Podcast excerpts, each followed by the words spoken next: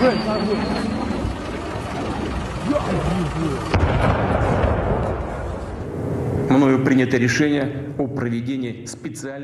Aanstaande vrijdag, 24 februari, is het precies een jaar geleden dat we wakker werden met deze beelden.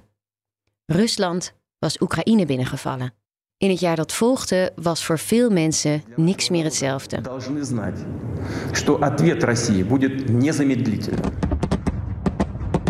Dus spraken we met twee mensen die al het hele jaar bezig zijn met die oorlog. Bernard Hammelburg, hij is buitenlandcommentator bij BNR Nieuwsradio en columnist voor het FD. En met stedenbouwkundige Fulco Treffers, die Oekraïne goed kent en die nu, terwijl de oorlog woedt, al hard werkt aan de wederopbouw. Je hoort van deze twee mannen hoe zij één jaar oorlog hebben ervaren, hoe ze ermee omgaan en wat de gebeurtenissen in de wereld teweeggebracht hebben. Mijn naam is Elfanie Toulaar en dit is De Week Voorbij, de weekendpodcast van het FD.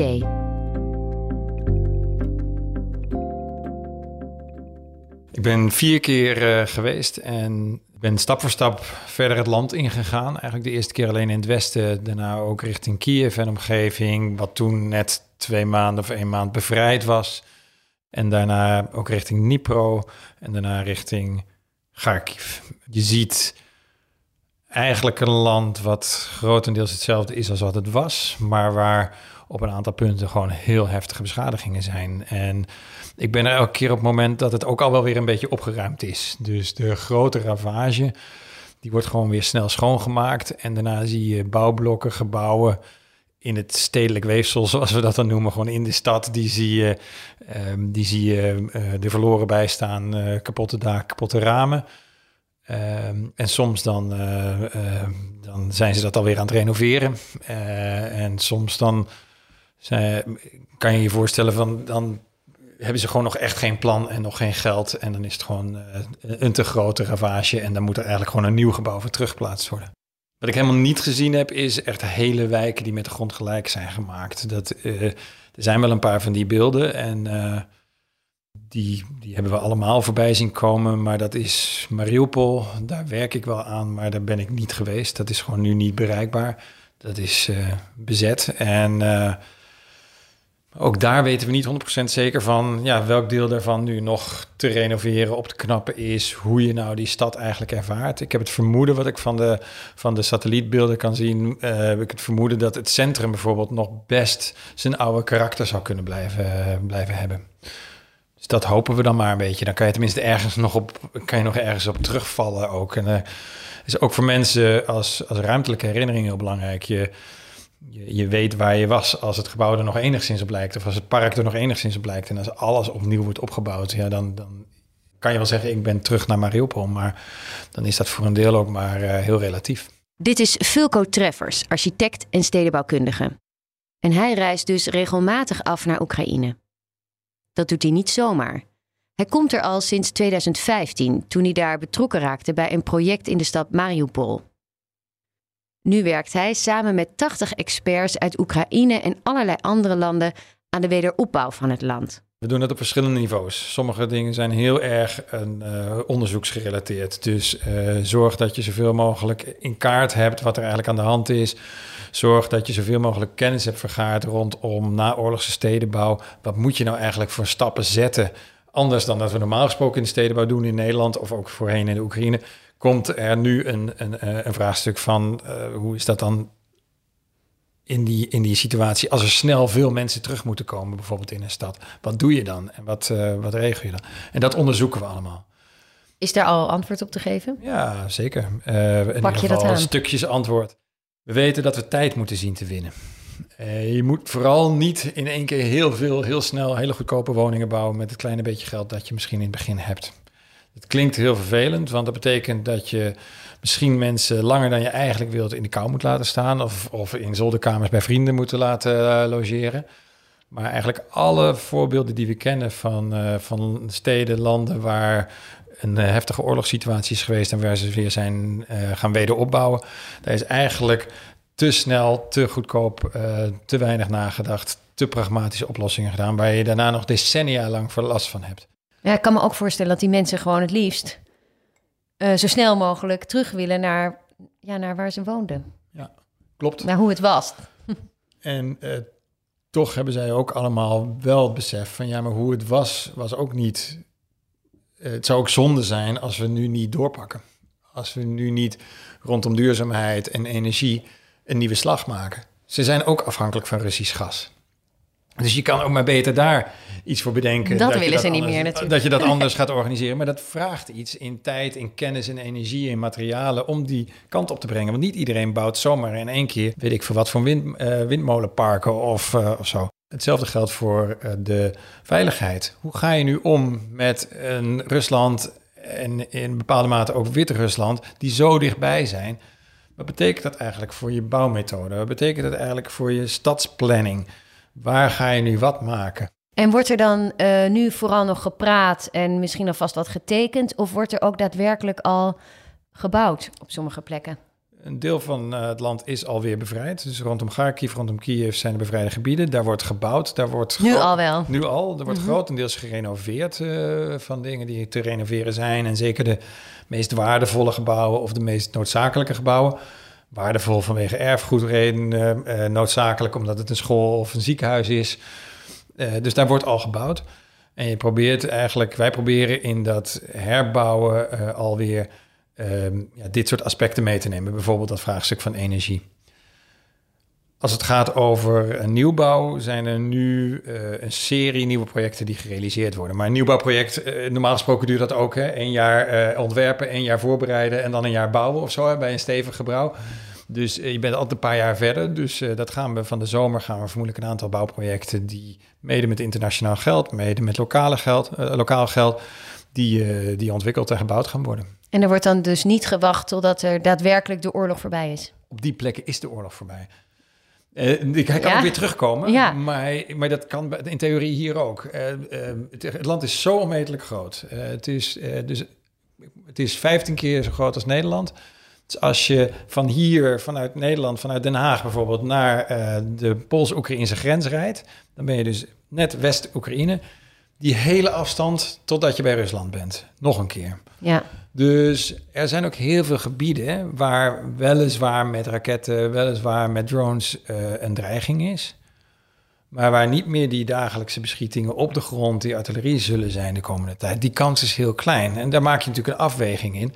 Maar er zijn partijen die zeggen, ja, maar die mensen moeten hier gewoon leven, moeten door. Die moeten niet alleen maar die verschrikkelijke eh, eh, kapotgeschoten gebouwen zien. Dus hier gaan we gewoon weer opknappen. Dat moeten we ook gewoon doen. Het leven hier moet doorgaan. Ik was bij een school en daar zijn 380 kinderen, waarvan er nu 80 weer les kunnen hebben. Wat ga je dan met die andere 300 doen? Die krijgen nu thuisonderwijs met gebrekkig internet of weet ik veel wat. Niet het rijkste dorp van het land. Eh, dus hoe doe je dat dan? Nou ja, dan ga je toch zo snel mogelijk weer een nieuw schooltje bouwen... of de oude op een of andere manier zo goed en zo kwaad als het gaat renoveren. Ja. Zodat die 300 kinderen gewoon een leven kunnen opbouwen... en weer naar school kunnen gaan. Wat toch een van de belangrijkste dingen is van het kind zijn. En dat schooltje waar Fulco over vertelt, heeft nog een ander verhaal. Een van de klaslokalen werd door de Russische soldaten namelijk gebruikt als martelkamer. Er gebeurden daar de meest vreselijke dingen.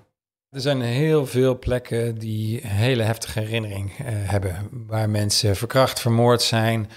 Van mensen weten van die... eh, dit was het, het hoofdkwartiertje van de Russen een tijdje. Eh, dat, dat is bijna niet voor te stellen nog eh, hoe dat gaat slijten. Aan de ene kant willen mensen daar graag over praten... maar op een gegeven moment wil je er ook vanaf. En op een gegeven moment wil je dat het uit je systeem raakt. Er zijn weer andere mensen die zeggen: nee, maar we moeten dat altijd blijven herinneren. Dus we moeten hier een heel groot plakkaat op de muur zetten dat dat hier gebeurd is. Grappig, ja. En dat is een ingewikkelde Dilemma. combinatie, want de een heeft gelijk en de ander heeft ook gelijk. Het is hoe je ermee om wil gaan. Eh, dat soort gesprekken moeten we nu voeren. Daar moet je nu eh, op de juiste manier mee, mee zien te dealen. Om een voor iedereen acceptabele tussenweg daarin te vinden. Dat je allemaal op je eigen manier daarover kan rouwen en toch ook kan verder gaan. Maar hoe doe je dat in een school eh, waar een klaslokaal een martelkamer was? Ja, dan is het dus de strijd tussen een herinnering, want mensen moeten weten dat dat daar is gebeurd, en huppelakee door willen. Hoe kun je dat dan doen? Nou, er zijn wat mij betreft, daar zijn we nu dus nog mee bezig. Er zijn denk ik drie scenario's. Eén, en dat ben ik niet voor dat scenario, is dat je het zoveel mogelijk negeert en wegstopt en er weer een klaslokaal van maakt. Twee is dat je uh, een, er een groot museum van maakt, waarbij uh, uh, bij wijze van spreken iedereen uit de wijde omgeving daar naartoe kan komen. Maar het is ook gewoon een school. Dus dat is ook niet wat mij betreft het model. Wat mij betreft gaat de deur op slot. En ga je er wel iets doen waar achter die deur op gezette tijden, bepaalde tijden, dat je iets kan organiseren of dat je iemand kan binnenlaten of iemand iets kan laten zien. Maar het hoeft geen uh, dagelijkse herinnering te zijn. Uh, een eigen ingang die je kan creëren, die je kan gebruiken. De deur op slot. In, in de school zou je het niet moeten hoeven merken. Ja, dat, ja, achter die deur is ook nog iets. Er kunnen ook technische installaties zijn, bij wijze van spreken, of een trappenhuis kom je ook niet zo vaak. Uh, nou ja, op die manier ermee omgaan. En dan kijken hoe de tijd op een gegeven moment dit weer nieuwe betekenis kan geven. Want het zijn dingen die we nu een bepaalde betekenis en, en uh, toekennen. Maar over twee jaar of over tien jaar, hoe is het dan? Misschien is het dan wel veel belangrijker om dat, die deur wel weer open te zetten.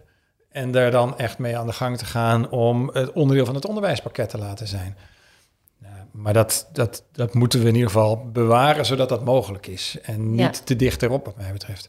Hetzelfde geldt voor de gemeente Boetsja, waar op een gegeven moment een aantal mensen waren die zeiden: ja, er zijn heel veel slachtoffers die op die straat zijn doodgeschoten in, in die laatste dagen. En die hebben daar ook gewoon dagen gelegen. En echt drama's, echt, echt vreselijke drama's. En iemand die, die is daar dus overal plakaten voor aan het creëren om, om dat te herinneren op een gegeven moment loop je door die stad alleen maar van plakkaat naar plakkaat te lopen. Is dat nou wijs? Of refereer je misschien op een gegeven moment aan de, aan de kobbelstenen. Aan, de kobbelstenen die we eigenlijk inmiddels in heel Europa hebben. Uh, ook in Oekraïne. Uh, over die plekken waar Joodse mensen uh, woonden. En nog niet eens waar ze. Dan, dan, heb je de woonplekken als herinnering. Wat ook alweer iets anders is dan de plek waar ze overleden zijn. Of, of, of vermoord zijn als herinnering. En dat je op die manier je je trauma een hele kleine ruimtelijke plek geeft in je stad. Ja. Nou, ik vind, zo kun je allemaal van die voorbeeldjes naast elkaar doen. En dan kan je met de bevolking en met de, met de ambtelijke en politieke top... kun je dan gaan bespreken van... oké, welke van, die, van deze vormen zou bij jullie nu passen? Ehm, dat, en, en op een manier dat je niet allerlei toekomstbeelden... voor de komende vijf jaar uh, in de weg zit.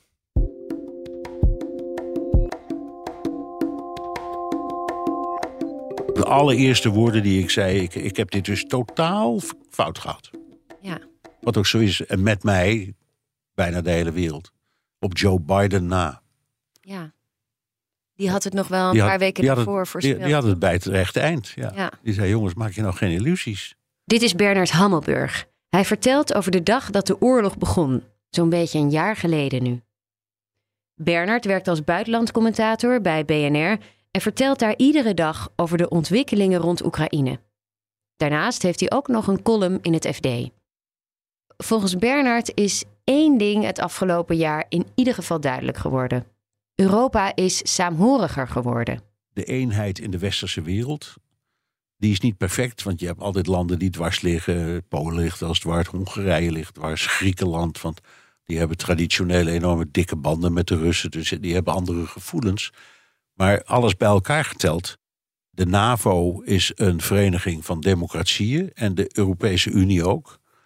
En die beide organisaties zijn veel dichter bij elkaar gekomen. Dat hadden we nooit durven denken. Nee. Al die discussies eigenlijk al vanaf Ronald Reagan over de bijdrage die landen moeten leveren aan hun eigen defensie. Weet je, die bekende 2%-norm. Mm Elke president vanaf Reagan heeft daarop aangedrongen. Trump heeft daar zelfs een heel soort circus omheen gebouwd. Dat ieder land uh, ieder 2% land moet, van het BBP... Um... Ja, en plotseling van bijna van de een op de andere seconde is het allemaal geregeld. Duitsland voorop. Ja. Dat, uh, dus dat zijn enorme uh, verschuivingen. dus voor, de, voor het bondgenootschap, hoe gek het ook klinkt, is dit wel goed. En tegelijkertijd is het natuurlijk voor de wereld een vreselijk verhaal. Want ook als dit op een dag eindigt en alle oorlogen eindigen op een dag, dan is er wel iets, denk ik, gebeurd dat niet meer zo makkelijk te herstellen is. Dus het, heeft ook, het is ook een grote tragedie waar we getuigen van zijn. De oorlog had volgens Bernard nog een ander gevolg.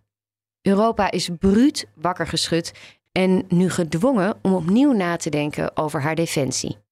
Om een idee te geven, als er op dit moment een oorlog zou uitbreken tussen Rusland en Europa, niet met Amerika, Amerika zou even niet meedoen, dan hebben wij precies voor één dag munitie.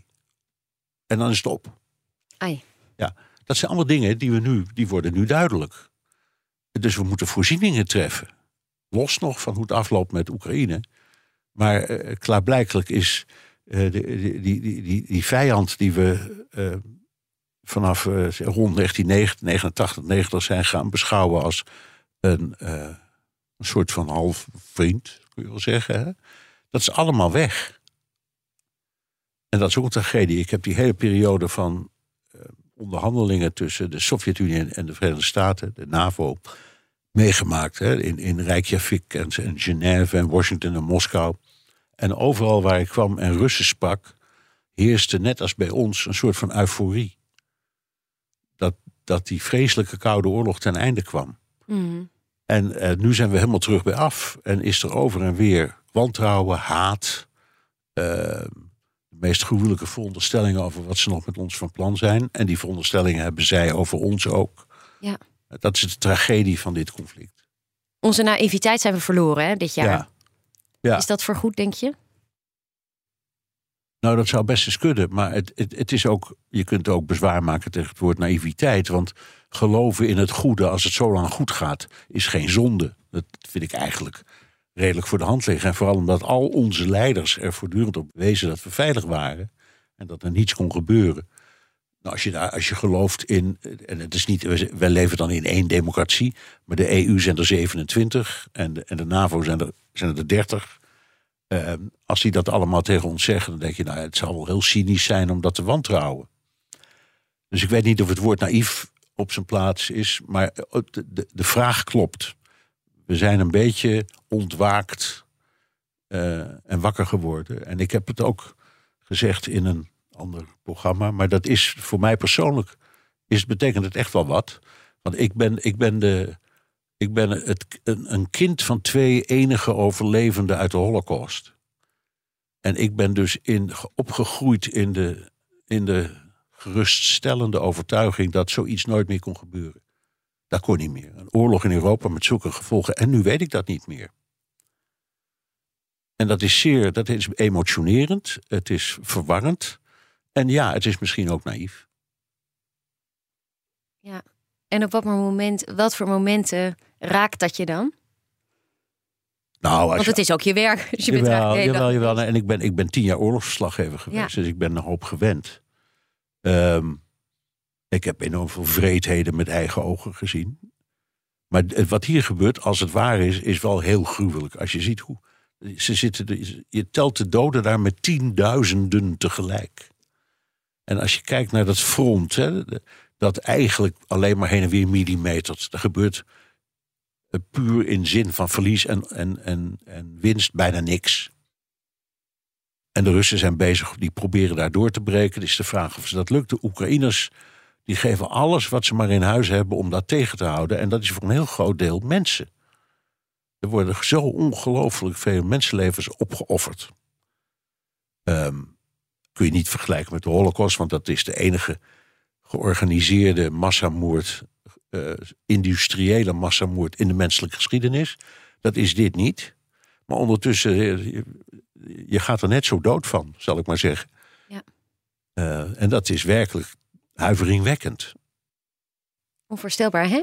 Dat, er werd ook altijd gezegd van... ehm, ja, we moeten blij zijn met de vrede en de veiligheid die we hier hebben. Dat moeten we koesteren. Maar dat klonk altijd een beetje... Ja, Ja, tuurlijk. Ja, ja, dat- het de. klonk alsof het van, eh, in de kerk van de kansel kwam. Ja. Zo. Maar het was wel waar. Dat was natuurlijk. Het, het, het, het- als je honderd jaar geleden tegen een Italiaan had gezegd. dat er vrede was tussen Frankrijk en Duitsland. had hij je aangekeken of hij water zag branden. En je kunt zeggen, de, de Europese Unie. eh, is echt toch wel een voorbeeld van waar eh, een, zich een soort wonder heeft voltrokken. Hè, onder, onder, onder, met, geïnspireerd door die twee Frans, Fransen. eh, Monet en Schumann, die hebben echt dat idee uitgewerkt van een, een verenigd Europa. En eh, vandaar dat de Fransen nog altijd vinden dat zij eigenlijk de uitvinder en dus de baas zijn van de EU. Mhm. Eh, maar het heeft wel gewerkt. Ja, en, En- dat en- blijkt nu. Ja, en er zitten elke keer weer scheurtjes in, nu ook. Duitsland loopt naar de overtuiging van de meeste lidstaten achter in de hulp voor Oekraïne. Maar dat zijn eh, gezonde debatten en er zit niks van vijandelijkheid in. Dus dat hebben we bereikt. Dus we hebben heel veel bereikt sinds de Tweede Wereldoorlog. En nu is, heb je dus een soort kantelpunt waarbij heel veel dingen van vroeger weer terugkomen. Mensen zijn ook banger. Gewoon. Ik, ik spreek vaak mensen die zeggen: kunnen we hier nog wel veilig blijven? En van dat soort dingen. Wat dat zeg je dan? Dat had je, ik, eh, in, in zo'n geval zeg ik, ik: ik hoop het. Ik weet het ook niet. En zoals gezegd, mocht er ooit een aanval komen van Rusland op Europa, zijn we weg. Dus het is echt een groot gevaar. Hoe denk je dat we over een jaar eh, staan we hier dan weer zo te somberen? Nou, ik, ik hoop natuurlijk van niet. Eh, dus, eh, maar ik vrees van wel. De, de, de meeste mensen, de, vooral militaire deskundigen met wie we natuurlijk heel veel praten, die zeggen: Nou, dit kan allemaal een paar jaar duren. Dus ja, dan staan we hier weer. En dus zal de oorlog voorlopig het leven van deze twee mannen blijven beheersen. Fulco Treffers wil binnenkort weer terug naar het land. Wanneer ga je er zelf weer heen? Ik denk over een week of vier. Meestal ben ik er zo eens in de twee maanden. En dan combineer ik een aantal afspraken eh, eh, eh, met gemeentes, met, met partners daar, met mensen uit het netwerk wat we hebben opgebouwd. Zijn, eh, we zijn weliswaar een internationaal gezelschap, eh Roskviet, eh, maar we zijn in basis Oekraïens. We zijn ook in de Oekraïne gevestigd formeel. En de helft van onze medewerkers zijn Oekraïners. Dus die zitten voor een belangrijk gedeelte ook daar. Dus daar ga ik mee aan het werk. En dan maken we weer een volgende stap. Misschien weer naar een andere gemeente waar ik nog niet ben geweest. En wat is de sfeer dan? Ik weet het niet. Dat is elke keer anders. In, in, in de laatste keer was er een sfeer van optimisme dat die winter toch wel te doen leek te zijn. Ze hadden zich erop voorbereid dat het heel heftig was. Dat was het natuurlijk ook. Maar het ging. Eh, dat leverde ook weer een soort van trots en optimisme op. Eh, er was een pessimisme dat het toch al bijna een jaar duurt. Nou, daar gaat deze podcast natuurlijk ook over. Ja, dat hadden we toch in het begin echt niet eh, verwacht. Ehm, eh, er is een volhoudendheid en een boosheid die kracht geeft. Eh, van ja, jongens, wij gaan dit niet laten gebeuren. Wij geven het echt niet op. Dat is eigenlijk de continue lijn. Maar in oktober was er een soort van schrik. Toen kwamen die kamikaze-drones. Ik was daar toen die kamikaze-drones begonnen. En ja, die schrik die, eh, eh, die zat toen wel echt bij de mensen diep van binnen. Van, oh, die hadden we niet aanzien komen, deze nieuwe strategieën.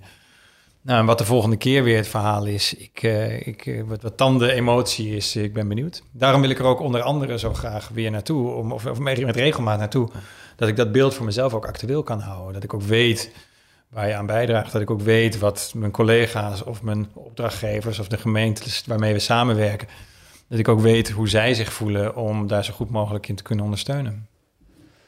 En het is natuurlijk ook raar, want het is voor mij ook emotioneel. Ik was er van plan om te gaan, ja, ik was een huis aan het kopen, ik was er gaan wonen. Ik ben al heel lang bij betrokken. De steden waar we de meest verschrikkelijke beelden van hebben gezien. Shevardonetsk, Kharkiv, Solidar, Bakhmut, eh, Mariupol. Dat zijn de steden die ik het beste ken, notabene. Waar ik het meest gewerkt heb. Dus eh, het is ook een manier van dat te verwerken door ermee bezig te zijn. Ja, want werk van jou is ook vernietigd. Ja. Heb je daar een voorbeeld van? Nou, als stedenbouwkundige is het niet zo dat er vaak een gebouw van je staat. Dus als stedenbouwkundige maak je eigenlijk meer stadsplattegronden, visies waar later weer gebouwen Ja. op komen. En dat is in Mariupol zeker gebeurd. Ik bedoel, Mariupol is voor, voor zover we weten voor 60, 70 procent kapot. Dus eigenlijk een aantal initiatieven die ik heb genomen, waar de basis van is gelegd in 2015. Ja, dat, dat is er niet meer. Maar die zijn we nu totaal aan het, eh, opnieuw aan het, eh, aan nadenken. En ik mag me dan gelukkig prijzen dat ik uit ben genodigd als een van de weinige buitenlanders met een eh, internationaal en Oekraïns team om daar weer opnieuw over na te mogen denken. En dat doe ik dan ook maar. En dat is de manier om daarmee om te gaan, denk ik. Dit was hem voor deze week. Dankjewel voor het luisteren. Als je deze podcast leuk vindt, deel hem dan met je vrienden. En abonneer je vooral. Dat kun je doen door te zoeken op FD de Week voorbij, waar je dan ook podcast luistert. Ik ben te vinden op Twitter, Elfanie. En je kunt ook altijd mailen naar podcast.fd.nl. We vinden het namelijk heel leuk om van mensen te horen. Redactie en montage van deze podcast waren in handen van Yildau Bijboer en van mij. De muziek komt van Visionair Ordinaire. Een heel fijn weekend en graag tot volgende week.